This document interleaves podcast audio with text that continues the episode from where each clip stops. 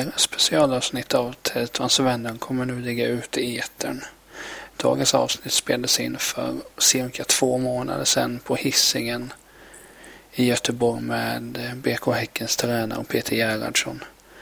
Eh, ambitionen var att publicera intervjun långt mycket tidigare men olika former av strul med filer och ljud har gjort att eh, det har tagit lite tid. Men eh, Peter är alltid aktuell. Ehm, och det var en stor ära att få sätta sig ner med en i mitt tycke Sveriges kanske bästa men framförallt mest intressanta fotbollstränare. Hoppas eh, intervjun ger er någonting. Hej då!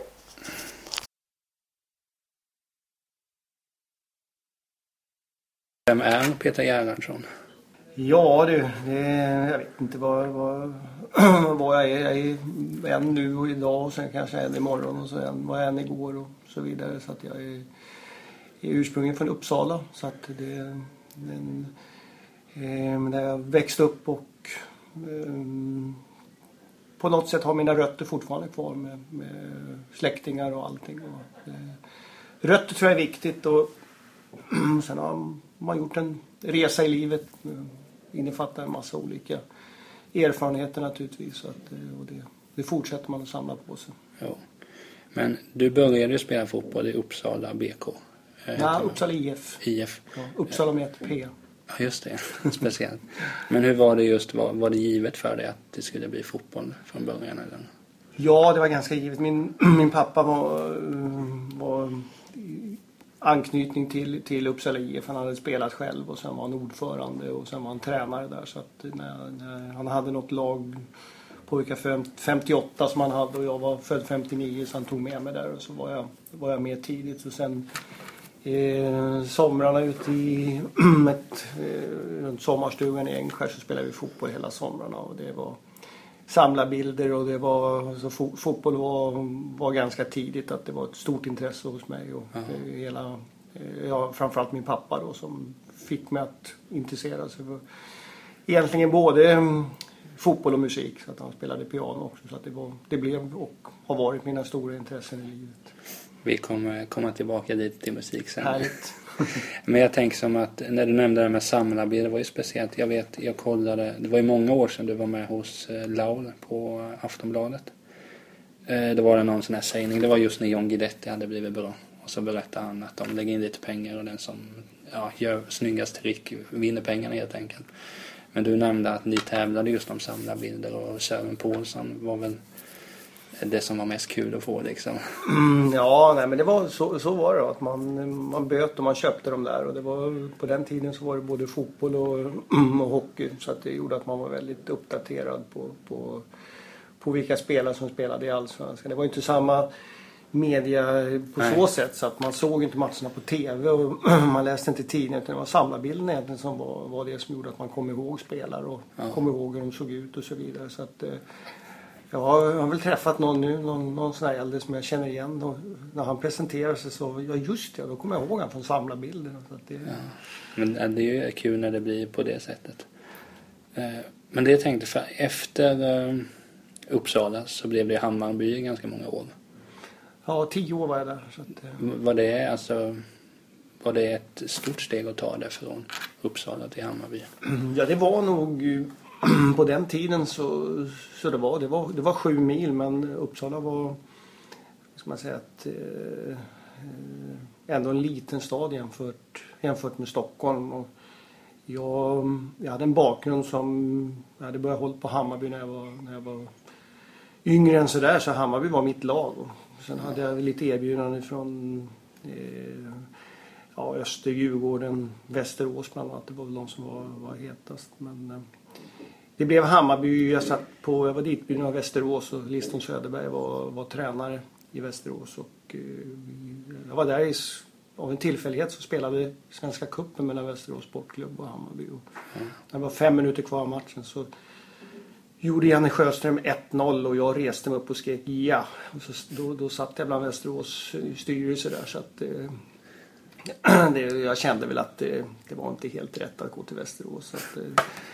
när Hammarby kom då med ett erbjudande så var det Eh, väldigt lätt att, kanske inte som det alltid är nu, men jag följde Nej. verkligen mitt hjärta då. Att Ja. gå från, från eh, ståplats och supporter till, eh, till, till laget. Så att det, var, det var ju väldigt mycket hjärtat jag gick till Hammarby. Ja, men det är ju bra att man väljer med hjärtat och inte eh, har andra drivkrafter. Sen blev jag ju kallad, det var ju, det var ju sju mil då. Ja. Det var en ganska hård, tyckte jag då som, som 18-åring, hård mentalitet i Hammarby. Och, eh, jag blev kallad, de frågade var jag kommer ifrån och jag sa Uppsala. Och kallade mig för jävla norrlänning. Så att det, det, var, det var också ett perspektiv på avstånd och var man kommer ifrån. Så att, eh, Hård jargong kanske. ja. Men, men jag tänker på det att jag...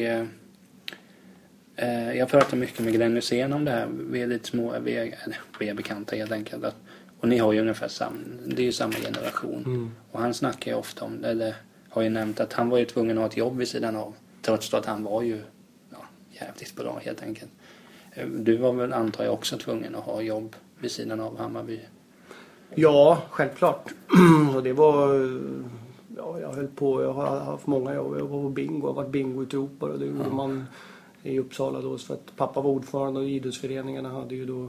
Vad ska man säga? Var de som fixade tillstånd till bingolokaler. Så att Ja. det, det gjorde att man eh, efter skolan på fredagar stack och Eh, jobbade på bingo mellan 17 och 02 och stod i världens rökigaste miljö och sen hostade man sig igenom någon lördagsmatch där. Och, så att det, det, var, det var en del och sen när man eh, flyttade till, till Stockholm och eh, Hammarby så jobbade jag ihop med eh, en kamrat från Uppsala, Uffe Eriksson. Vi jobbade på Metrobutiken AB och satt och räknade om netto till brutto när det gäller att de- debitera eh, butiker. Det var inte världens roligaste jobb men en del i det hela var att han som var vice VD på, på Metrobutiken, det var Lennart Nyman som också var ordförande i Hammarby vilket gjorde då att det var lite lättare att få ledigt och komma därifrån och så vidare. Så att, eh, det var, eh, ja nej men mm, en del var, mm, jag valde sen mellan brandman och polis. För att det var många idrottsmän på den tiden som var,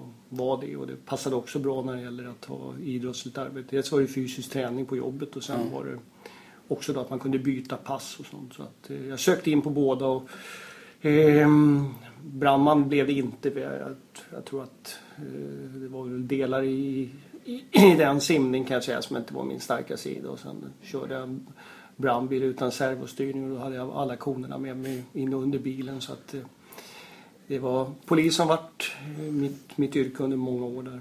Ja. Du försökte i alla fall och det är det som är det viktigaste med, Ja. med brandman.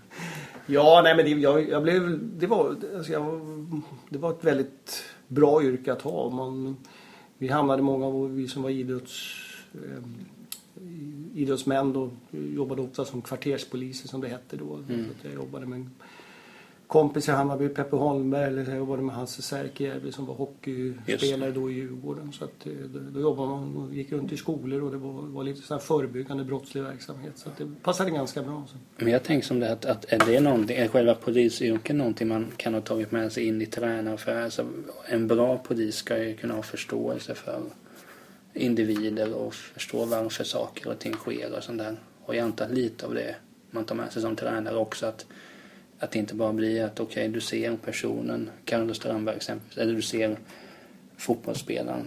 Du måste ju se var han kommer ifrån, situation, privat och allting sånt.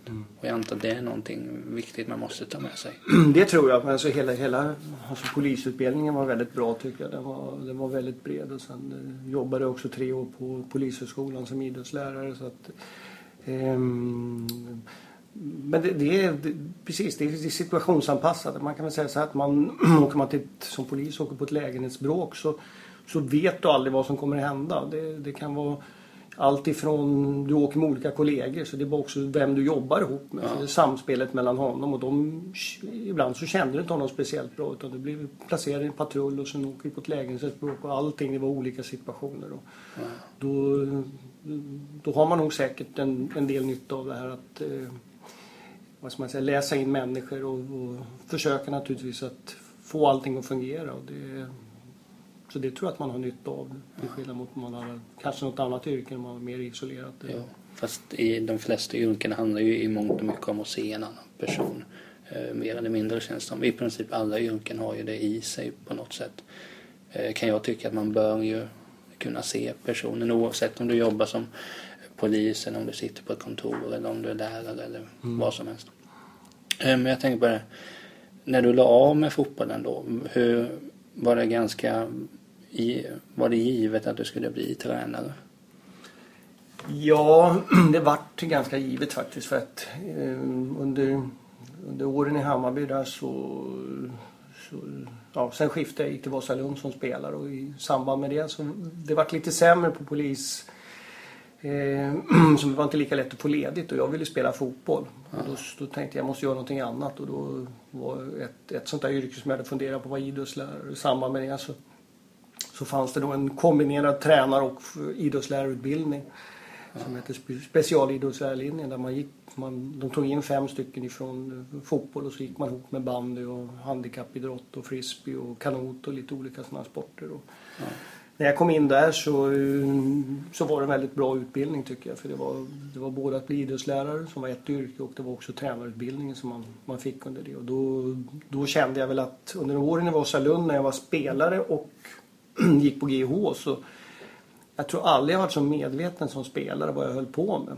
Alltså att jag gick samtidigt en tränarutbildning och jag hade Bosse Pettersson där i, i Vasalund. Jag kommer ihåg att jag själv började fundera på exempelvis, jag hade bara en fint som spelare och då började jag fundera på hur jag skulle få en till och då då, i och med att jag läste den här tränarutbildningen så ja, försökte jag själv hålla på med någon överstegsfint och, och, och, få den att fungera. Och, eh, det slutade med något genrep uppe i film där jag helt plötsligt gjorde den där överstegsfinten. Och då hade jag haft en idé om själv som, som spelare hur jag skulle göra. Så att jag höll på med den här överstegsfinten på träningar och allting. Och de, jag kommer ihåg spelarna var tokiga på mig för det funkar inte i spelsituationer där. Men jag hade ju en idé och ett mål om att mm, om jag någon gång skulle få det att fungera i match så måste jag göra mycket av det där själv. Ja.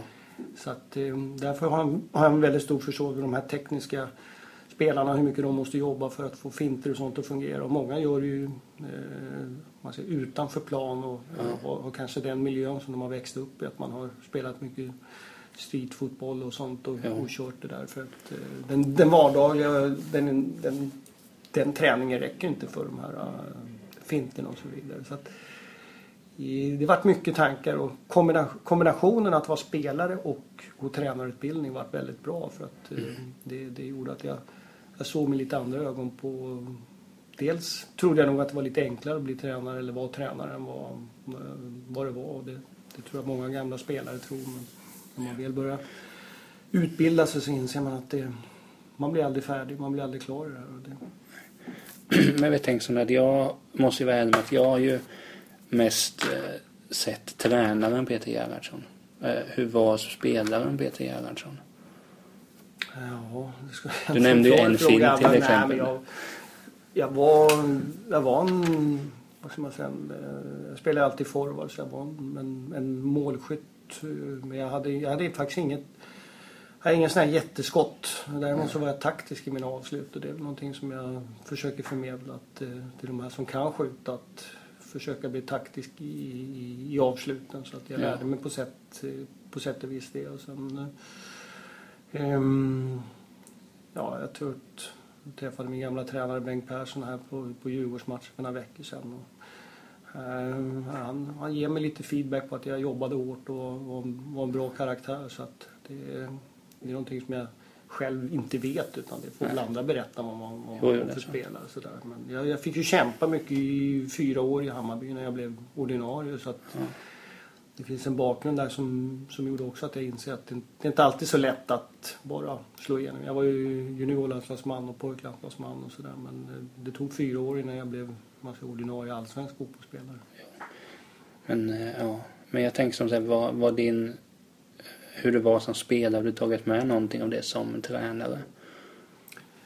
Ja, eh, det är svårt att veta hur mycket. Men jag, jag har nog tagit med mig en del att jag, att med alla tränare som jag har haft, både, både bra och, och sådana som jag kanske tyckte kunde bättre, så har jag nog att eh, den stora biten, och det tror jag de flesta spelare eh, som har blivit tränare har, att det är att eh,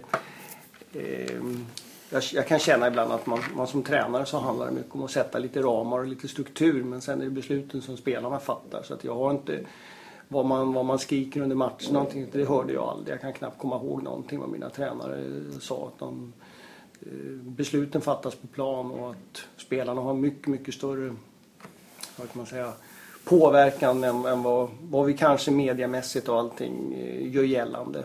Eh, och det är någonting som jag försöker naturligtvis i mitt tränarskap förmedla. Spelarna måste ta ansvar, måste ta ansvar på, på plan och inte tro att man som tränare står med någon joystick och ska få, få, få allting att fundera. Och det bekräftas vidare sen när jag både gick tränarutbildning själv och jobbade tio år på fotbollsförbundet att ibland så tyckte jag att eh, det var för mycket att visa vad man kan som tränare mer än att eh, förmedla vad, vad, vad spelarna ska kunna. Och det, det, det kändes ibland lite konstigt eh, med att vara utbildare på Svenska fotbollsförbundet och känna att det var inte allt det som kändes rätt. Nej.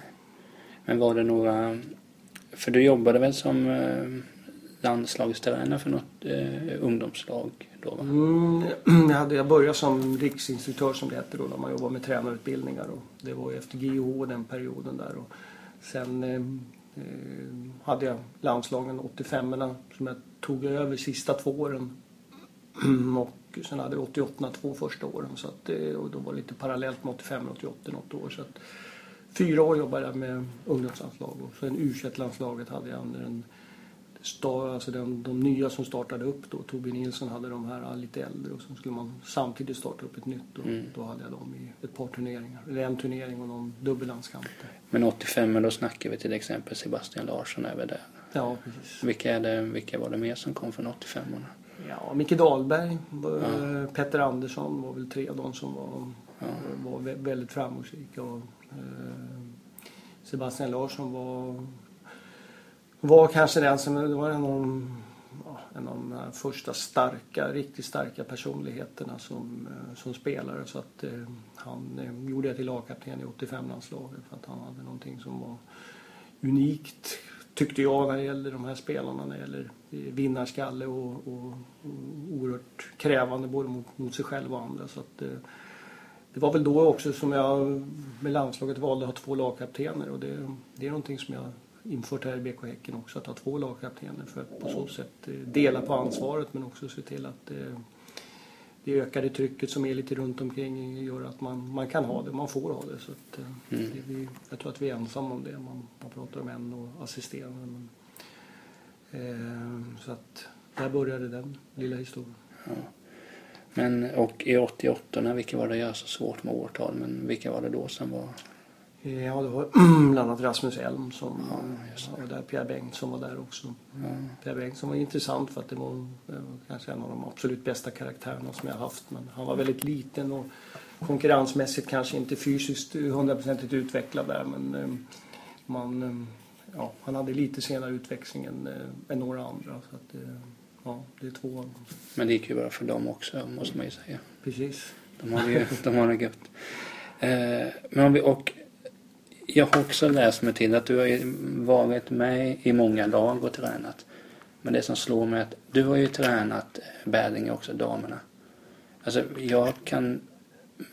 Det kanske inte låter så värst politiskt korrekt det här. Men det måste vara en skillnad mellan att träna damer och herrar. Ja. Intalar jag mig.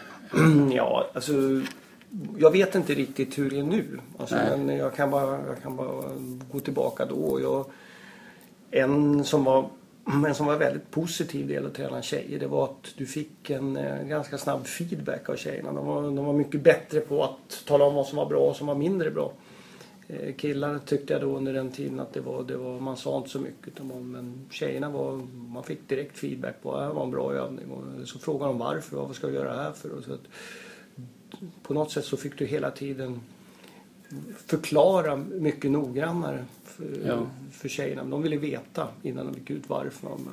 Killarna var på, jag jobbade på ett fotbollsgymnasium regionalt i tio år också. Det var väl samma sak där. Det var ju blandade klasser, tjejer och killar. Och när man körde samma övning så tjejerna var mer ifrågasättande varför och varför skulle vi göra det här och varför ser det ut på det sättet. Och när man väl motiverade av allting så då körde de järnet. Så det, Mm. Det, det, var en, det, var en, det var väl den delen tror jag. Sen ambitionsnivån och allting sånt där tycker jag är ungefär samma. Så det... För det var det just det jag tänkt på att när jag spelade fotboll så var det också så att det tränaren sa nu ska ni springa idioten liksom. Då gjorde man ju det. Visst man gnällde att vi var tvungna att springa.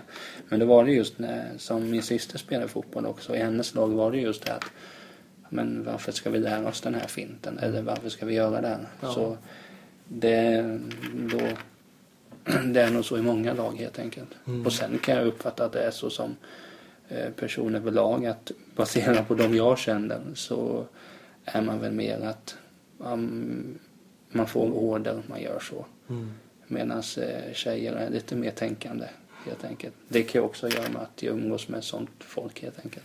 Ja, sen fanns det väl, jag kommer ihåg när man, alltså någonting som är väldigt tråkigt tyckte jag som spelare själv, det var ju stretch och rörlighet. Ja. Och, eh, jag menar, med, med, med killar var det ju så att när, när du sa att nu, nu, nu ska ni ha stretch och rörlighet så gjorde de allting annat utom det.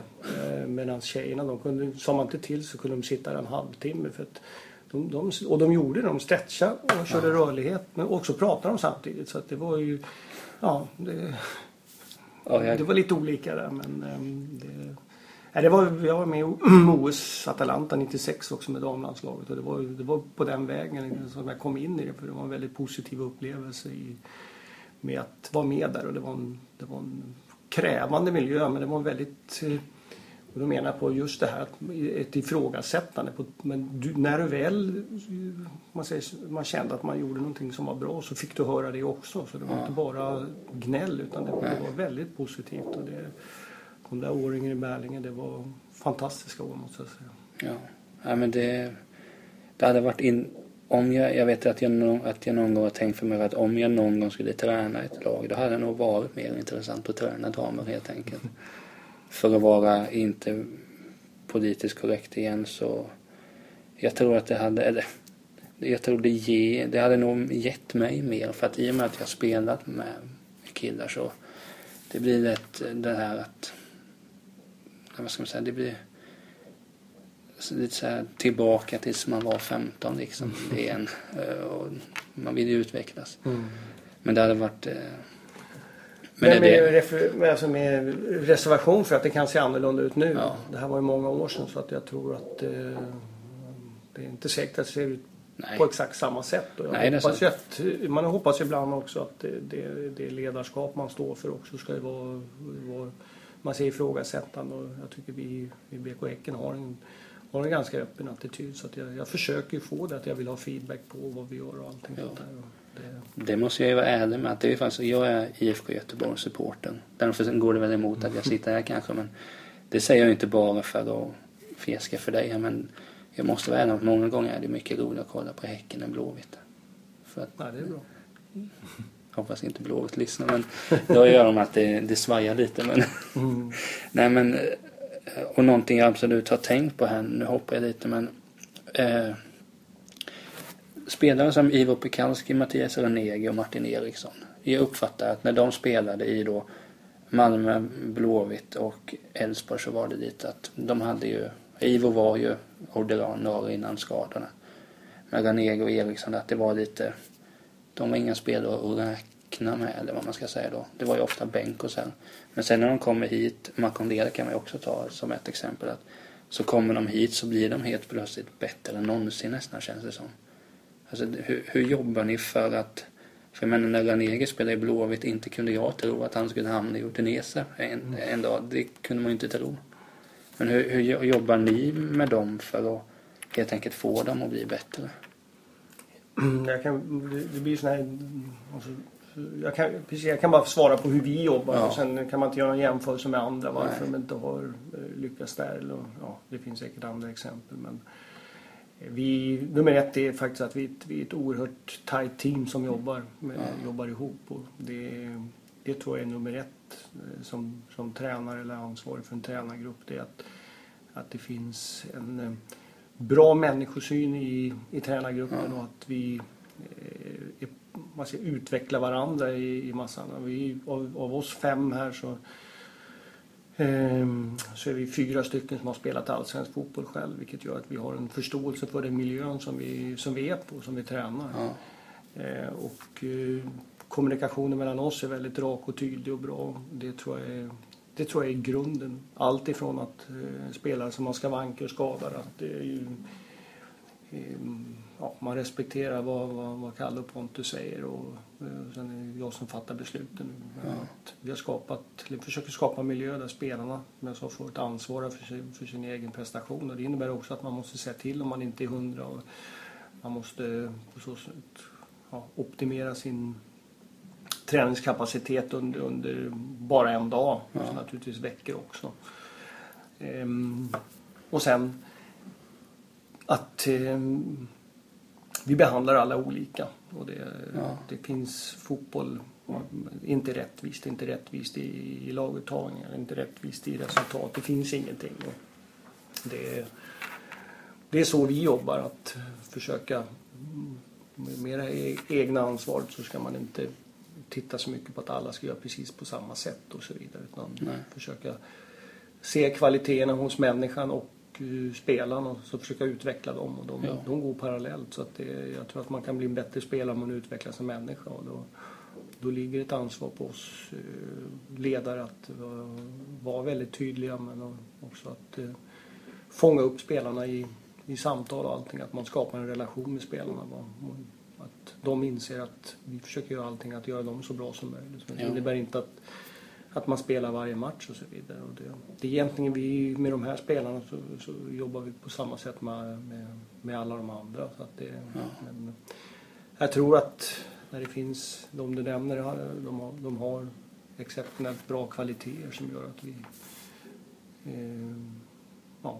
har, eller de själva kanske har lyckats förädla dem här i BK Häck. Och sen är det tre spelare då som är väldigt kul att titta på för de, de kan ju spela. Det, mm. det är inget att snacka om. Alltså det, det har de väl visat både en och två gånger. Men om vi tänker mer eh, tränarfilosofi och så här. Hur vill du spela med Häcken? Frånsett att ni ska vinna alla matcher och allt det här. Men hur vill du att Häcken ska spela en perfekt dag? Ja, men det, det blir ju så att man, eller vi kanske har fått den här liksom stämpeln att vi, vi spelar rolig fotboll och det, liksom det ena och det andra. Men vi utgår ifrån nummer ett och, att vinna matchen och så vinna den här matchen. Då, då innebär det taktiska bitar. Sen är vi min erfarenhet som jag har burit med mig här både som spelare och ledare under många år det är att det finns en mental del i, i, i fotboll och du har 100% tid och sen kan du ha tiden i mycket 100% tid mer blir inte. Sen kan det vara 90 minuter ett träningspass eller 120 och det är 100% och hur mycket mm, jobbar du med anfallsspel, passningsspel och hur mycket jobbar du med försvarsspel och det tror jag påverkar en spelare. Så kände jag själv under, under några av mina år när jag spelade när jag hade tränat som kanske jobbade lite mycket med försvarsspel. Så det var en Uffe Eriksson, en kompis till mig, som han, han sa att när vi har bollen så springer jag och tänker på vad vi ska vara när vi tappar Det var, det var en sån signal för mig att eh, hjärnan påverkar säkert av det. Ja, kan man då vända på det och, och, jobba mycket med när vi har bollen. Så att försvara är faktiskt tillåtet att vara, ha ett aggressivt högt försvarsspel utan att man Eh, Medan svensk tränarutbildning och svensk fotboll överhuvudtaget kanske under många år har, har tittat på England och, och ja, att det ska vara eh, positionsanpassat och det blir väldigt lätt och skönt för ögat att titta på att det ser bra ut. Och många förknippar fortfarande ett bra försvarsspel med att man ser hur det ser ut och man ser liksom, man får en tydlighet.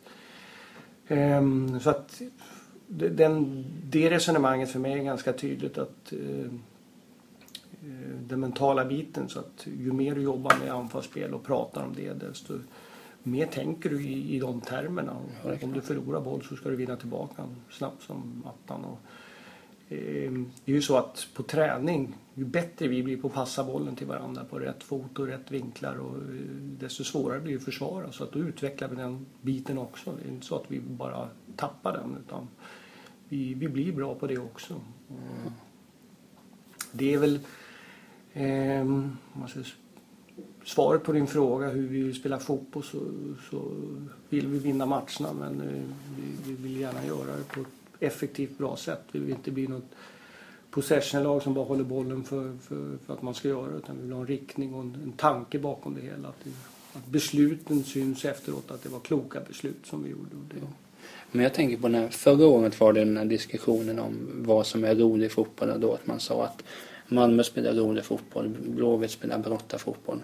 Men jag som supporter tänker att, som jag nämnde att jag är på Blåvitt, att om Blåvitt bara skickar långt och de vinner, då bryr jag mig ju inte ett skit om det helt enkelt. Men hur tänker man som tränare på det? Det är samma sak med dig då att om det bara går ut på att skicka bollen långt på anfallaren och ni får tre poäng, då kan du ta det helt enkelt? Nej, för jag tror inte på det sättet. Ja. Så att det är en ganska enkel... Alltså jag tror inte att man vinner fotbollsmatcher på det sättet. Ja. Så att jag vill vinna fotbollsmatcher. Sen har jag en idé om hur man gör det. Ja. Och det, är, det är ju den som kan skilja sig. Så att, eh, jag måste säga, jag är ju supporter själv till, till Arsenal framförallt. Det kommer vi också Ja, men jag menar, det, det var ju tider när jag tyckte det var fantastiskt se. Men jag, jag gillar ju, även om vi vinner så blir inte jag... Eh, under, under Grahams tid så tyckte inte jag det alltid var roligt. Och, även om man vann matcher så kunde jag... Kom, jag, fick, jag fick lite... Man säger, inte så att jag böt lag, för det får man inte göra.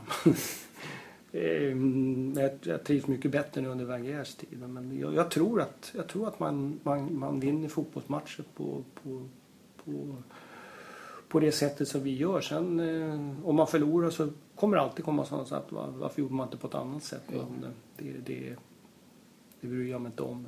Nej, alltså. Man kör väl helt enkelt på sitt sätt. Men det är ju intressant då hur det kan skilja sig mellan. För jag antar att det är nog inte bara du som tränare som tänker så att jag vill vinna på mitt sätt och jag vill inte vinna på något annat. Men det är intressant hur man är som supporter. Om vi tar det med Arsenal igen, det är lite samma sak där. Jag vill ju bara att de ska vinna och de kan sitta framför tvn och tänka alltså, vad fan spelar Cazorla för? Ofta är det han som får utstå det, jag vet inte vad. Men jag tänker du som, du som tränare, du måste väl ha mer förståelse för varför Ja, ingen förstår ju Wenger, det är uppenbart. Men, Jag förstår han. ja. Nej, men du måste ju ha mer förståelse varför han väljer att... Nej, men jag har, nog, jag har nog förståelsen att jag inte förstår, om jag ska säga så. För Ja. jag, jag förstår ju att med, med all den kunskap man har om ett lag och allting det som händer i ett lag så, så förstår jag att, att eh, våra supportrar ibland undrar varför man gör de bytena, varför man startar med det och allting. För att det handlar så oerhört mycket om eh, all information som du har om det egna laget. Jag skaffar information om motståndarlaget. Och all den här informationen den har man inte som supporter. Och samma sak när det gäller Arsenal så, så har jag, jag har inte allt. Jag har inte sett det. Om de möter, möter liksom eh, Southampton så har inte jag sett Southampton. Jag vet inte alls vad Wenger tänker liksom, i olika taktiska bitar. Jag har inte sett träningar så jag vet inte vem som är, har varit sjuk, vem som har varit lite skadad och, och så vidare. Så jag har jag har, alltså jag har man säger, full förståelse för... Jag funderar inte ens på varför gjorde han så där och varför gjorde han så där. Däremot observerar jag och kan se saker som, som det finns ett mönster i och jag kan ju liksom ibland gissa mig till byten. Att nu kommer han att byta, nu har det gått 74 minuter och så vidare. Och det, det finns olika beroende på hur resultatet så. Men, så enda jag är egentligen förbannad på när jag ser Arsenal, det är spelarna.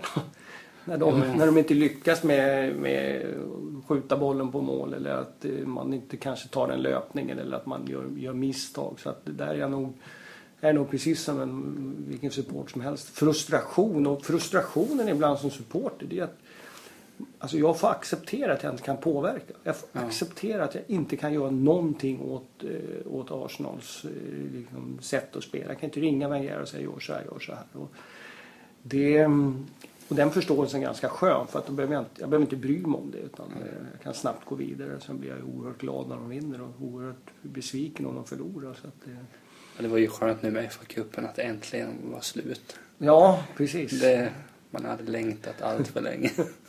Nej, men det är det som jag tänker att det kan vara lite så här, lite skönt också som att eh, när man kollar på Arsenal då att som sagt jag är ju bara en av de här som ja, de här vanliga förbundskaptenerna i soffan liksom. Man vet så mycket.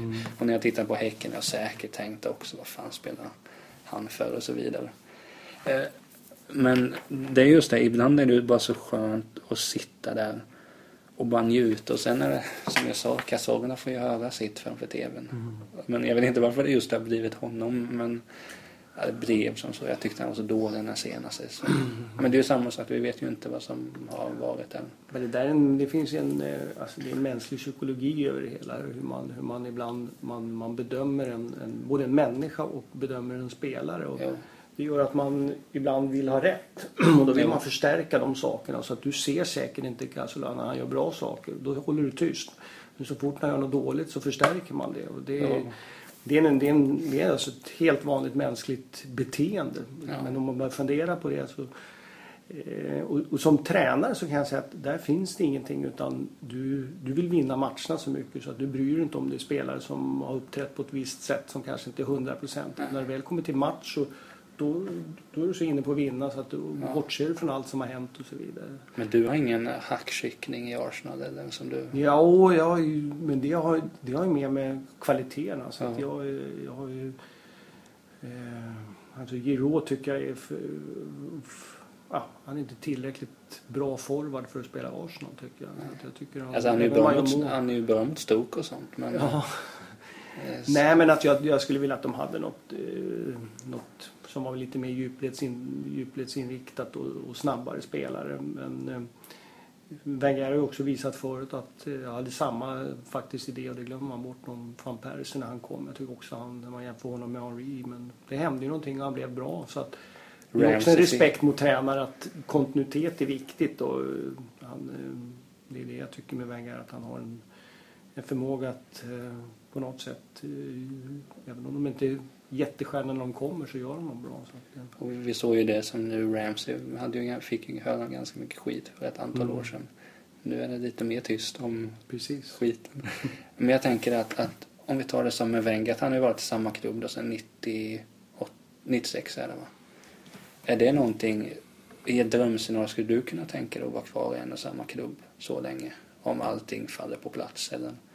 Ja, varför inte? Det, är, alltså, det handlar ju om... ehm, jag tror det man, det man måste som tränare, och det, det tror jag också är vilket yrke du än har, så du, du måste älska vardagen. Du måste älska va- vardagen när, Mm. du, när du är där. Och det, ehm, du får aldrig en garanti om du, man nu säger att man vill, man vill vinna någonting. Så vad, vem, vem kan ge den garantin? Eller vilken klubb ska du gå till då? Jag menar, du kan inte ens om du går till Barcelona garantera att du vinner för att det, då kan Real Madrid eller någonting. Det är klart att du blir topplag men Mm. du, det finns aldrig de garantierna och då ehm, jag har en väldigt stor tro på det vi håller på med just nu och den, eh, det, det är viktigt att leva i nuet och därför kan man, jag tycker inte man ska låsa upp sig åt något håll utan så länge man, man, man känner att eh, du själv utvecklas att du själv känner att du älskar den här vardagen och, och gå till träning och, och jobba med laget. Så varför ska du byta då? Det vet du inte om det, om det håller i, i två veckor eller Nej. fyra månader eller ett, eh, tre år eller fyra eller sju. Så att, eh, jag tror inte man ska man ska inte stänga, stänga några dörrar utan hålla, hålla det väldigt öppet. Och gå, Ja. gå på, vi som jag egentligen valde med Hammarby när jag var spelare, att det är skönt att låta känslor och hjärta styra. Ja. Men jag tänker som det att det med... Känner du att i och med nu då att du tränar Häcken så an, det är ju klart känslor kommer ju upp där också. Men har det blivit någonting med Hammarby att finns det fortfarande kvar där? Att jag antar att tittar du på Hammarby mot liksom Jönköping Södra så kanske du uppskattar mer om Hammarby tar tre poäng exempelvis. Ja, det gör jag. Jag tror Ja. att alla, alla klubbar som man har varit i så har du någon, någon slags relation och du har någon, något slags... Du lämnar en liten bit av ditt eh, hjärta till stort och det växer så att du har hela tiden kvar. Du har vänner kvar från, från de perioderna. Så att det, det är hela tiden någonting som, eh, ja, som, som finns med och, och, och påverkar det. Så att är mer eller mindre men eh, det är självklart att jag, att jag hoppas att Hammarby ska vinna Superettan. Sen om, när vi möter med Allsvenskan så vill jag vinna mot dem. Och Ja, det är det, det är inga problem så utan Nej. en del av de här Helsingborg som man har varit i så kan det ibland vara de klubbarna som det är skönast att vinna mot även om du sen hoppas att de ska Ja. gå bra för dem. Så att, eh, men eh, du känner människor, det är ju liksom relationer du har med eh, så det är inte själva klubbmärket i sig utan det är minnen och sånt. Och det, Ja. det tror jag är mm, oavsett om man nu bara skiljs med, på ett gott sätt då. Det, det har jag haft förmånen att göra med Ja. de klubbar jag varit i. Det som jag känner om BK Häcken, ni får gärna vinna alla matcher från sig mot Blåvitt. Det är okej. eh, nej men om vi... Eh, Nej, jag har inte, när det gäller så har jag, jag har ju jag har fortfarande inte hit- hittat, det var ju samma i Helsingborg. Jag, Derby mot Malmö var inte, alltså jag, det är som en, nästan i alla fall som en vanlig match. Samma sak med Blåvitt här. Utan jag har nog fortfarande, för tio år som spelare i Hammarby, mer, mer de här matcherna mot AIK och Djurgården som jag hade själv. Där det var nog lite mera man säger, känslor inblandade. För att det finns en, det finns en historia som, som lever med. Ja. Men eh, om vi, om vi lämnar BK Häcken den här. Vi har pratat lite om Arsenal men jag tänker att i och med att vi båda hejar mm. på Arsenal så kan det kanske vara skönt att prata av sig helt enkelt. Ja, härligt. Men eh, hur föddes din kärlek till Arsenal? Min var ju så här tydlig att när Ljungberg skrev på, ja, men då kan man ju relatera till dem. Sen har den ju fortsatt. Mm. Eh, och det ska jag också erkänna att jag, det var något år jag tröttnade på Arsenal. Och började tänka här att ska jag skita i det här nu? Men så läste jag ett citat som du hade sagt faktiskt. Då var det någonting, alltså det handlar om att man byter fan inte klubb helt enkelt. Så på ett sätt är det tack vare dig att jag fortfarande är kvar vid Arsenal. Så därför tackar jag för det. Ja, vad bra. Jag fick ju uppleva en FA-cup. Nej men hur föddes din kärlek för Arsenal? Var det så kärlek vid första ögonkastet?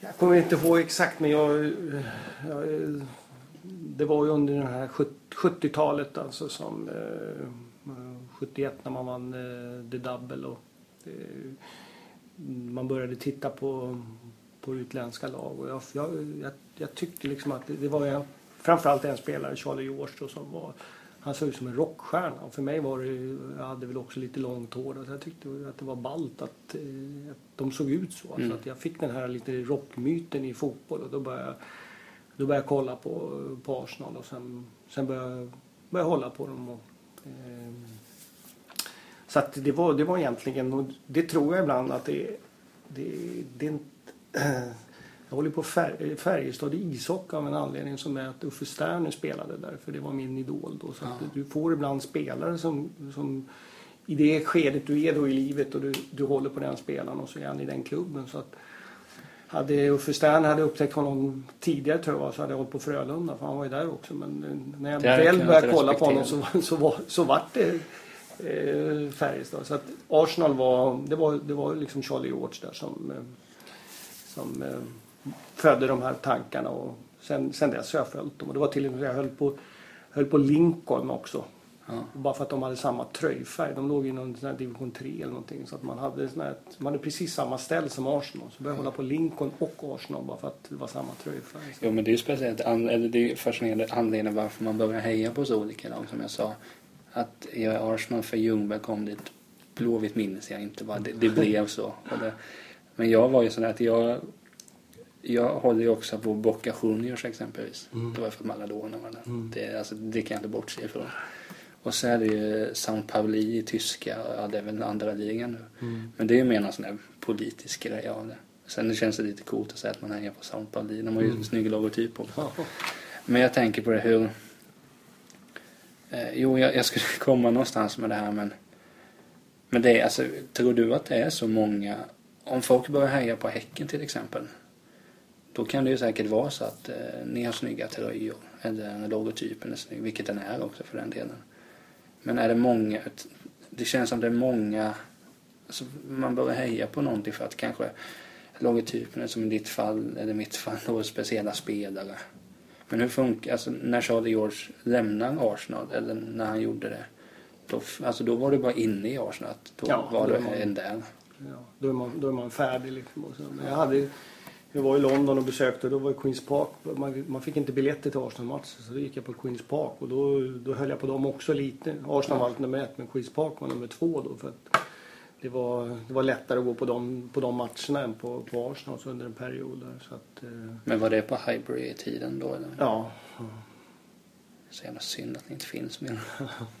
Nej, men jag, jag, tänker på det att... Jag har faktiskt ett arenalag som jag håller på för att jag var besökt och arenan var så fantastisk. Det är i tyska ligan, eh, Freiburg, som jag var en gång. Det var, det var, det var en helt fantastisk arena som låg nedsänkt och bergen ovanför. Så att eh, de håller jag på att följa nu när så det var en arena. Så att man är, ja, Men jag hade ju en sån grej EM 04 som var i Portugal. Då var det just en Sporting Bragas arena var ju så att det var ju någon bergsluttning mot ena, ena kortsidan. Mm. då blev det ju det laget ett tag. Men så börjar man kolla upp så ser man att Svennis har ju tränat Benfica. Vi kör Benfica istället. Mer behagligt. Men jag tänker på det att, att det är populärt att man har andra lag också. Mm. Under den här intervjun har väl du säkert förstått att Häcken kanske är mitt andra lag. Men hur, alltså, vad ska man säga? Du har, jag antar att du också har andra lag då som vi säger om i Premier League till exempel. Om Arsenal inte vinner, vilket de inte gör. Vilka ser du helst då vinner? Jag antar att du inte gärna ser Tottenham vinna. Nej, det gör jag inte. Men nu ska vi också vara realister. Det är lite så här, det här, det här har faktiskt gått på tränare måste jag säga. Nu om vi tittar på förra året så eh, Martinez som var i Wigan som jag tyckte spelade sån eh, fantastisk fotboll och gjorde ett bra jobb och hela den klubben. Han, fast de åkte ur, han, han blev alltid erbjuden att vara kvar och det, det tydde på någonting att han gjorde ett bra jobb. Och, eh, när han kom nu till Everton så, så tycker jag att eh, när man har sett matcherna med Everton så han är någonstans, ligger nära vad jag tycker är en vinstgivande fotboll som, som tilltalar mig. Så att, eh, förra året var det, var det Everton. Så att det här skulle kunna vara faktiskt att jag följer en tränare, var han hamnar. Ja. Så att jag hoppas att han inte tar över Tottenham för då kan jag hamna i en... Eh, var det inte snack om det också? Svår, för svår situation. Jo, men nej, det var väl Liverpool det var snack om med Martinez. Har jag ja, ja. Men det, jag, jag, alltså, Tottenham, alltså frånsett Arsenal så är det Everton där också. Mm. Det är sympatiskt och så är det väl kul att reta Liverpool-supporter när man har som vänner. Eh, men hur ser du på Arsenals framtid? Tror du att det kan dröja en tio år igen innan nästa titel? Jag vet inte. Jag, jag, jag tror ju som att de har förklarat i det här med arenan när de, när de byggde Emirates här så, så, så var det ju jag menar, en ekonomisk bit. Och, eh, man vet inte det kostar väldigt mycket pengar att, att värva spelare och de har haft en idé om att ta lite okända och, och, och bygga upp och göra någonting bra. Uh, nu tycker jag att om man nu får, får bitarna på plats i år så känns det med Sanchez att man, man kanske går lite mera på, på etablerat. Och, um, det är kanske det som behövs för att ta det här sista steget upp och, och verkligen vara med och konkurrera. Och, um, men jag vet inte. Utan jag, som jag sagt, jag är väl en en av de som har ett stort förtroende för Wenger och, hur, deras sätt och ja. hur man jobbar. Det är, en, det är, en, sund klubb på så sätt tycker jag. Att det, det, och det tilltalar mig också att man inte kanske som Chelsea man har andra idéer om hur man ska bygga lag och så vidare. Så det, det, det, finns en, en gammal skönt vilande tradition över, över en fotbollsklubb som Arsenal. Ja men det var ju som det när man började heja på Arsenal så tänkte man på så här, men ju äldre man har blivit har man ju förstått att sånt är viktigt. Och det är ju som du säger att någonstans hade vi ju hatat om Arsenal hade haft skulder på 2-3 miljarder hela mm. tiden. För alltså det, det funkar ju bara i fotbollsvärlden att ha skulder känns det som. Ja. Och där är, alltså, det är inte att de är skyldiga 50 000 liksom, utan mm. det är lite mer. Men det med arenabygget har jag för mig då gjorde de ju någon avbetalningsplan.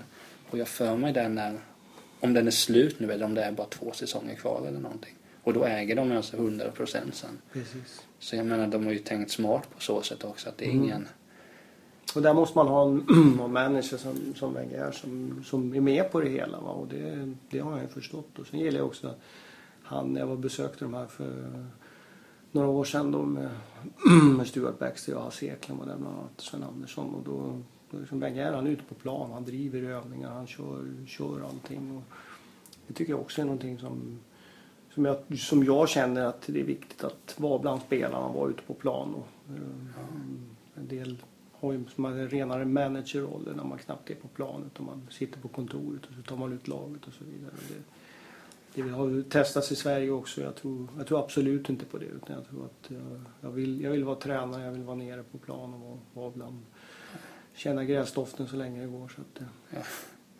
Men, eh, då, men det med Wenger också att det finns ju ingen bättre tränare att ha i Arsenal än Wenger. Alltså han är ju han ska ju vara där så länge han vill helt enkelt. Ja. Och det är klart, alltså, jag har väl varit lite som så att man... Som sagt, jag är bara supporter och tänker, men värva in stjärnor då? Värva in... Eh, ja, när det var snack om Suarez, som köp honom, ge honom den lönen han vill ha. Mm. Men sen när man tänker på det så... Men jag är ändå någonstans... Jag är, jag är nöjd med fjärde plats. Och sen man får ju se spelare man tycker om. Och, nu blir det spännande. Och det är det som jag tycker är så spännande med Wenger också. Att han, han drar sig inte för att testa olika spelare på olika positioner. Nej. För nu snackar man att Wilshere ska vara det defensiva navet. Och det, kan, det kommer nog bli spännande. Mm. Om han inte är skadad, vill säga. Eller, Ja, men han röker för mycket. men då lägger han bara ut en bild på Zidane sen att han också gjorde Nej men det är alltså. Men är det, har du vilken, det sista fotbollsfrågan här men är Wenger någon sorts tränarförebild du gärna mm, eller försöker du bara vara Peter Gerhardsson jag gör på mitt sätt? Ja, vad ska man säga? Att man är ju... Jag brukar säga det, man är... Man, är, man försöker vara fotbollens Per Gessle. Att man försöker sno det bästa från allt och alla hit och dit och allting och sen gör man till någonting till sitt eget. Jag tycker Per Gessle, eh, han har gjort det. Han gör, han, han gör bra grejer som man känner igen något, men det är hans eget. Och det, det, är- det är lite av lite av samma sak man försöker plocka och allting. Och jag kan inte säga att Wenger följer man kanske på, på, på så lång distans. Så det är svårt att, och, även om jag träffar honom ett par gånger så, så är det svårt att, att säga att eh, ja, det, jag har nog andra förebilder som jag har jobbat mer ihop med och, och så vidare som, både, som ligger mig närmare. Annars så, så kan man li, lika bra sno någonting från Martin S som man snor, snor någonting Ja. från någon annan och så vidare. Det, Eh, Men vi tänker att det blir ju ganska mycket fotboll för dig antar jag. Både med tanke på att du tränar Häcken då och följer Arsenal. Men hur gör du för att koppla bort fotbollen? För det måste man väl göra någon gång då och då känns det som. Ja, jag, jag har ju sagt det så vid något tillfälle här i våras så det blev lite rabalder att jag var inte så där VM-intresserad. Så VM har varit en sån där, eh, har det varit avkoppling för mig. Jag har inte, jag har inte tittat på speciellt mycket matcher. Jag är ingen VM-nörd nu. Det var jag, för många år sedan var jag det när jag tittade på allting. Men de taktiska bitarna tilltalar mig inte. Det- är så väldigt svårt att, att se det i, i lagen. Jag har försökt följa Tyskland som jag tycker är, det, det är inte bara att de vann utan det är alltid ja, det är en nation som under många, många decennier har varit, varit ledande så att de försöker jag titta på men det är, eh, det är vackert och det är vinstgivande och, och så vidare. Så att, eh, och sen, sen är det Premier League jag följer mycket och tittar på. Sen, eh, så att jag, det är en, jag är inte jag är inte i närheten tror jag att bli, bli man säger, när det gäller att kolla på matcher. Jag tycker, alla matcher ser jag på olika sätt. Så våra egna matcher är ju vi är känsliga. Jag tittar på när vi spelar. Jag tittar på den efteråt och får analys för att jag ska må bra och känna att jag har koll på vad som har hänt under de här 90 minuterna. Och jag, jag kan åka och se eh, vad som helst i Allsvenskan. Om vi möter de motståndet. Och då, det spelar ingen roll om jag sitter och åker till Örebro och det är Örebro-Norrköping och matchen slutar 0-0 så bryr jag mig inte om. Alltså jag har inget, när jag åker dit att det blir massa mål. Det är helt ointressant. Utan jag, jag försöker upptäcka saker som jag kan använda i mitt jobb. Och, Däremot så eh, sitter jag inte och tittar kanske på, på an- allsvenska matcher som, in, som inte berör. Det, då gör jag någon, någonting annat. Men, Men det är det speciellt med VM att i, många av dem jag känner, vi är ju vi är ett gäng alltså fotbollsnördar kort och gott. Men då var det ju speciellt att jag hade ju sett fram emot VM och tänkt jag är alltså mål jag ska se 55 matcher av de här 64. Slutar med att jag ser fem stycken. Och det var de fem första liksom. Så jag såg inte finalen. nej. Och jag, alltså, om, folk sedan snackar att Chamse Rodriguez gjorde ett snyggt mål. Då får jag gå och youtuba det bara. Men det är också att det, jag kan tycka att det blir för mycket om man följer då Arsenal hela tiden. Man följer Blåvitt och jag följer Allsvenskan väldigt noga. För det är väl den ligan som är roligast att titta på just för man har närheten. Mm. Så då om man ändå ska sitta och kolla VM också, det, är det, det skiter sig. Det, det finns bättre saker att göra. Ja, det tycker jag. Och eh, då tänker vi att det kan vi lika väl beta av att du gillar ju musik. Är det någonting, alltså det måste väl vara ganska skönt att koppla av med liksom så här eh, Wilco och Billy Braggs, den här Mermaid Avenue-samlingen som är bra. Den är riktigt bra. Men det måste vara, det måste vara något sätt att koppla, alltså bara, jag, jag, jag kan ju bara relatera till mig själv. Att har det varit för mycket så tar man gärna på sig luren och bara, man bara kör helt enkelt. Mm. Och så antar jag att det kanske kan vara för dig också bara. Musiken fyller många olika funktioner. Men dels så, som jag sa att jag har, en, jag har, liksom en, jag har alltid växt upp med musik. Jag har alltid varit musik hemma. Och jag började tidigt köpa skivor och lyssna. Och, eh, jag pluggade när jag var liten, när jag gick i skolan. Så pluggade jag till musik. Alltid musik på när jag pluggade och mamma kom och frågade vad, du ska inte stänga av, du ska ju plugga. Ja, men jag gör det. Så. Och jag klarade mig bra i skolan så att det var någonstans ja, skönt att ha ljud omkring mig. Skönt och ibland när man sitter och koncentrerar sig på det man läser så kan man under några sekunder bara koppla av och så kan man ja. lyssna. Så att musiken fungerar dels, dels som en eh, dels som avkoppling. Vilket, vilket eh, ja, att eh, eh, gå på en konsert exempelvis, gå på Patti Smith, då står man inte och tänker på fotboll utan man står ju bara och, och, och njuter och får... får var den bra den? Jag hade en kompis som var där. Jag, jag skulle egentligen gått dit men det körde ihop sig. Ja, ja det var jättebra. Jag har aldrig sett den förut så det var någon sån här, jag köpte hennes 75 Conora Horses. Så jag hade den, den första kvinnliga artisten som jag köpte och som, eh, som jag haft en alltid lyssnat och tyckt att det, det är både texter och hennes sätt och allting sånt där är imponerande. Och nu fick jag möjligheten så hamnade lång, nästan längst fram också. Jag hittade någon lucka där i allting som jag tog mig fram. Så det var starkt och då, är, då, är, då står man och kopplar av 100% ifrån och man får alltså musiken så jag får energi. Alltså jag fylls på eh, allting. Jag blir glad och jag får jag väljer konserter som jag, som jag naturligtvis tycker om. Och det, är, fyller på. Så det är inte som en fotbollsmatch man förlorar. Eller man, vad är det här för låtlista? Jag har respekt för att de inte alltid spelar mina favoriter. Så där, men, det, men sen fungerar också musiken och det är inte minst det viktiga. Det fungerar som en, man säger, en, en katalysator när det gäller fotbollstänk. Så att jag, jag pratade med en kille som var bättre att forska i sånt där. Han sa att det, hjärnan är som mest påkopplad, kreativ det är när är ett avkopplat tillstånd. Och det innebär att när jag har musik på så tänker jag fotboll. Men jag gör det väldigt eh, kreativt vilket gör att jag kommer på massa saker. Jag kommer nog på mer saker när jag lyssnar på musik än när det är tyst eller när jag sitter med pappret och ska liksom försöka komma på någonting. Så att, och det menar jag på att det är helt normalt så att, att eh, när man är i ett avslappnat tillstånd och du har någonting som man har stort intresse av så då, då, då locka den här kreativiteten eh, fram. Och det, eh, det är nog verkligen någonting som jag, eh, som jag har känt och som också är betydelsefullt att ja. man använder det som en, ja, egentligen få fram lite idéer om allt möjligt. Men det låter intressant och jag har ju också varit, eh, när jag pluggar så, eller, jag, jag lyssnar ju på musik jämt. Men då var när jag pluggade och lyssnade på musik då var det mest instrumentalt eller filmsoundtracks eller någonting. Körde du, vad körde du för musik när du pluggade då? Allting men in, alltså svensk var svårt. Ja. Alltså svensk, svenska texter men mm, jag körde allting. Det spelar ingen roll. Jag gick på, jag gick på det kunde allt från uh, hårdrock till allt, allt möjligt. Det var det banden som var. Man hade inte lika mycket möjlighet då. Då hade du dina LP-skivor och mm. du hade något kassettband och då var det det som gick. Så att, men svenskt är alltid lite mer störande när det gäller om du ska plugga för att då, du hör texterna och det, det kan ställa till det. Så att det eh, men det, det väl, jag har väl gjort, jag har gjort ett riktigt misstag en gång. Alltså.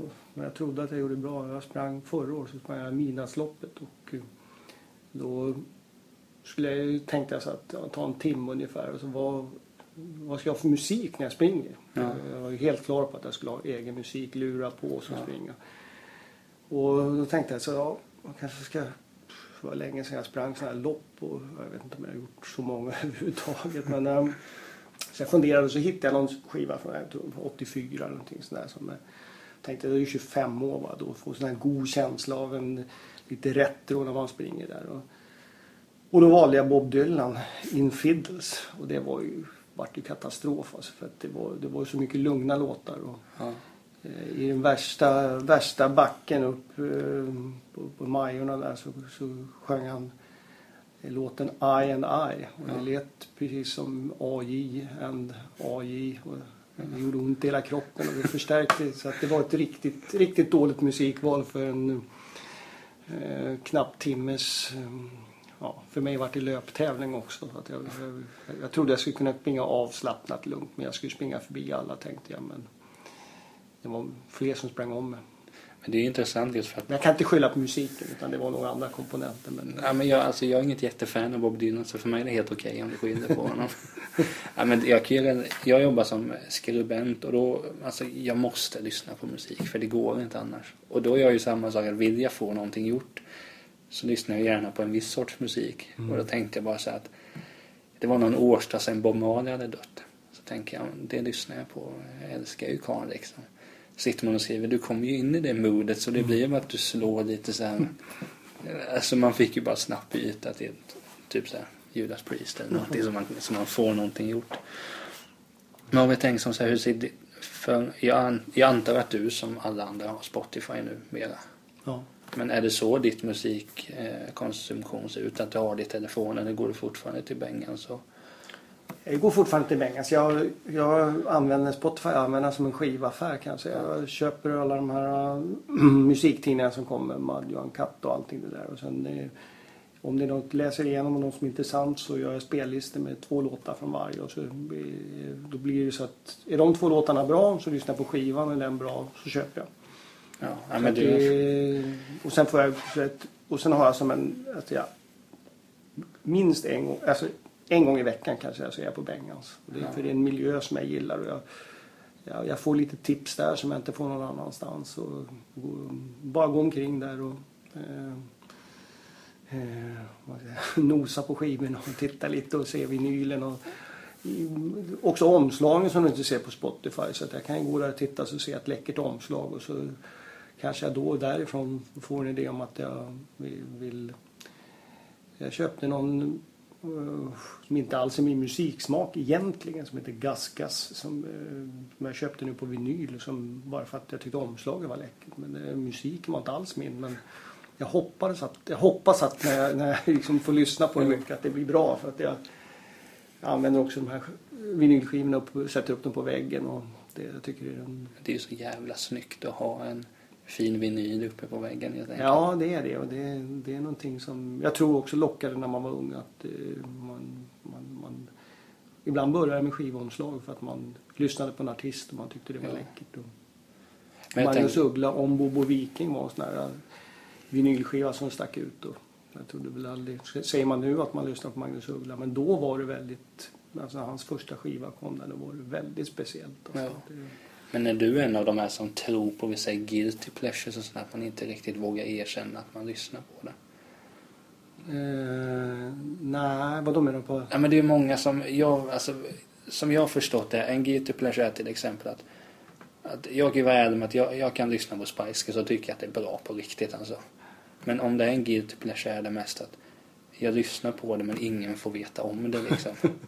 Men det är, det är bara trams. Ja, det är bara trams. Nej, men nej, så är det inte. Utan, men jag har, jag har en gång kan jag säga att jag haft. Jag har en hel del som jag nu Ja. När jag har kompisar hemma och går och tittar i skivbackarna och så, vad är det här? Och det gillade jag. Alltså, men nu skulle jag skäms jag för. Alltså, ja. Paul Paljett, vem, vem vill ha en skiva med Paul Paljett? Men jag har det och jag lyssnade på det då och då var det helt öppet. Och så. Ja. På senare tid så den senaste sån skivan som jag köpte som jag, som jag tyckte var bra och, och jag vet inte vad jag var. Det är alltid kopplat ibland till vad för perioder. Men jag köpte faktiskt Alcazar. Någon disco. För det var disco. Helt plötsligt var jag sugen på disco. Och då samma vevare så hörde de att det här är ju disco. Ja. För det var ju som ja, gammal disco fast det var det Den tror jag hade svårt att jag gömde det inte direkt men jag tror inte att jag gick och tala om för, för, det var i Helsingborg, jag gick inte tala om för dem att jag hade köpt den men eh, om någon hade sett den sådär. Men det, det är väl den där sista kanske som jag Ja, men jag kan respektera den kassör. Jag tittade ju på Allsång på Skansen tisdags för att de var med där liksom. Ja. Så jag menar, jag har inga problem med Alcazar. Nej, det är bra. Men vi tänker som så här, eh, när du sa Bengans, är det då vid Stig Bergstad du går på den Bengans? Eller är det den som ligger ganska centralt? Jag Nej, men den är, det, är, det är ute på... Ja, det är den större då? Ja, ja. Mm. Det är den. den är, så att dit tar jag mig en gång i veckan. Gärna matchdagarna faktiskt så tar jag mig dit. Och det, det är också sån här... Um, det är inte så att jag tror att vi vinner eller förlorar eller beroende på om jag har. Jag är helt oskrockfull kan jag säga. Jag har ingenting i sånt. Jag är, nästan tvärtom. Alltså att har vi vunnit så har lust att göra någonting annorlunda för att visa att man kan vinna igen. Så att det är inte det, men det är, det är just den här sköna känslan att gå på Bengans matchdag, alltså när man laddar för Sen är det väl alltid kul att gå på bängen. Ja, det är kan, alltid kon- roligt. Kontokortet är inte kanske okej med det, men det får man väl ta. Ja. Men, eh, vad ska man säga? Jo, men det med ritualer sånt det där, det har man ju läst sådana sjuka, jag vet Speciellt är det ju NHL-proffs är ganska stort hockeyfan och där verkar det som, där har de ju Alltså det är nästan som de borde in på psykhem eller någonting känns det som. Mm. Nej, för jag vet Patrick Ryan, någon NHL-målvakt, han var ju tvungen att han, när den här röda linjen kom så var han tvungen att hoppa över den. För den kunde han inte åka över. För då vart det någonting. Och han står alltid och snackar med stolparna. Eh, Och sen är ju han speciell. Mm. Men jag menar så du, eh, om, om liksom, låt säga att du hade köpt eh, Wilco och Billy Bragg skivan en matchdag och ni vinner. Då behöver du inte lyssna på den kommande matchdag. Absolut inte. Nej. Jag är, in, in, överhuvudtaget inga sådana grejer. Jag tror inte på det överhuvudtaget. Jag tror att det är viktigt att, att eh, man... mm, Jag tror att det är viktigt att man inte har sådana saker. Utan att, Det känns som det kan begränsa ganska mycket. ja, eh, jag tror det. Och det jag tror inte på tur eller otur. Eller, utan det, är- det är vad man, vad man faktiskt gör som är, som är det viktiga. Och då, då, då försvinner det. Och min dotter höll på ett tag. Hon ringde till mig och så sa hon att hon, hon sa lycka till på matchen. Så, ja, tack. Så, Nej, du får inte säga tack, hon. Och, och då började jag säga tack. Det, vi vann ju ändå. Så, Ja. det, så att det. Ja, jag tror inte ett dugg på sånt där. Jag, jag tror inte på... Jag tror inte på så mycket sådana saker. jag tror på verkligheten. Jo, men vi tänker som så här.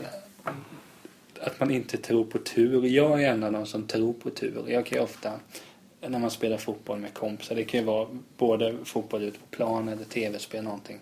Då är jag en av de som skanderar vilken jävla tur du har. Men hur menar du att du inte tror på tur? Alltså finns det till exempel inga turmål i din värld? Nej.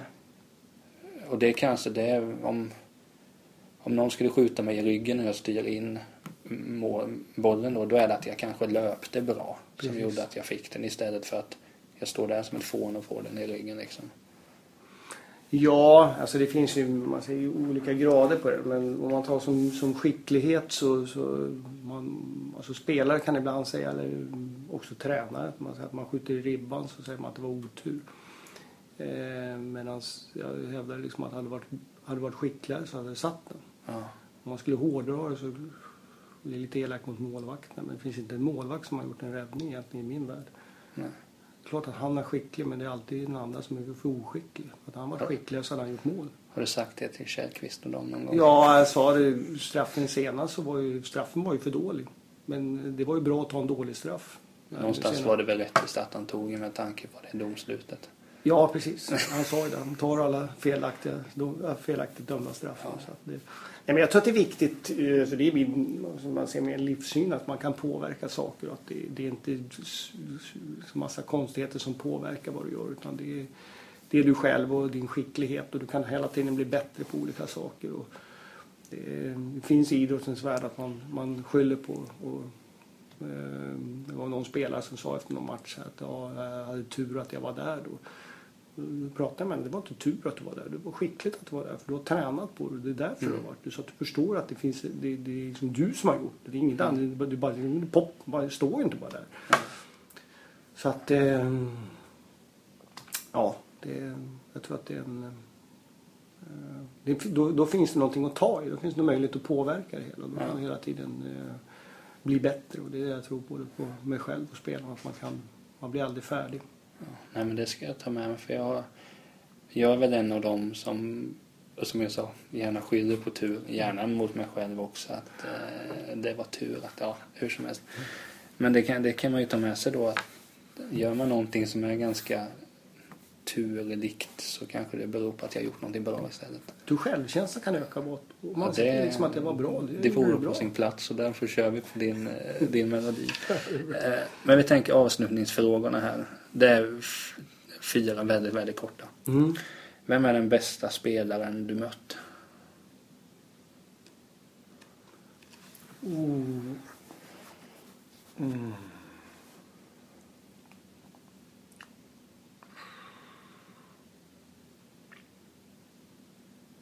Ja, jag, jag tror att det var...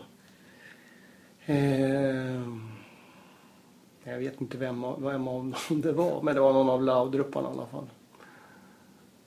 Eh, I Bröndby när vi stannade till där med Hammarby spelade. Ja, jag vet inte om det var Brian eller om det var, var jag tror det måste ha varit Mikael då. Alltså de var ju grymma båda två. Ja, Så, men det var någon av dem han var, det var, det var och de var ju bra så fruktansvärt länge också. Som vid VM 98. De var, var de ju ändå ganska ja, gamla men de var ju bra. ja. Men det kan, jag, jag, jag, vågar inte svära på vad men det var någon av dem i alla fall som jag mötte. Ja men det, det är godkänt svar helt enkelt. Du får kolla Ja. när de spelar. Men vem är din, eh, den bästa spelaren du har spelat med? Eh, Ja, jag spelar i pojklandslag, juniorlandslag och jag har spelat med en par bland annat i OS-landslaget. Eh, jag, den bästa var nog Uffe Eriksson som jag spelade med. Han spelade på högersidan där och det var den alltså speluppfattningsmässigt bästa.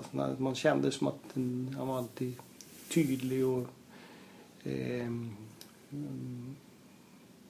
Ja, man visste alltid var man skulle springa och allt. Så det, det, det var för mig den, den, Mm. den bästa spelaren. Han hade kunnat bli historisk mot Italien också. Han hade två tunnlar tror jag han hade och så sköt han i stolpen. Hade han satt det målet så hade han nog varit historisk. Men Ja, det är en stolpmiss för honom. ja, beklagar. Men, och sista frågan. Har du något jag, ska, jag måste gå till Bengans här. Har du något tips på vad man kan köpa för någonting? Jag är en allätare. Det kan, det kan vara vad som helst. Jag tycker du ska köpa alla skivor som finns överhuvudtaget med Conor Oberst och Bright Eyes. Ja, Det är en 10-15 stycken. ja det får vi se om kortet tillåter. Men jag har ju bör, bör, börja, med den, eh, börja med den senaste för att han eh, kommer till Wild West nästa fredag. Det, jag har sett honom live förut och det, Du går på Way Out West. det är riktigt bra. Texter, eh, det är en sån här skiva som man oftast den förra tror jag var ja, fantastiska vinylskivor men också textmässigt och musikmässigt och också så att det Ja, men det var nog allt jag hade och du ska ha stort tack för att du ställde upp. Tack Eh, själv. Så får vi hoppas att det går bra för BK Häcken. Ja. Frånsett. Frånsett en match. Ja. Nej, men stort tack för att du ställde upp. Ja, tack själv. Det är alltid roligt att prata så här lite längre måste jag säga. Det är mycket. Ja. Så att det, det är nöjet på min sida också kan jag säga. Perfekt.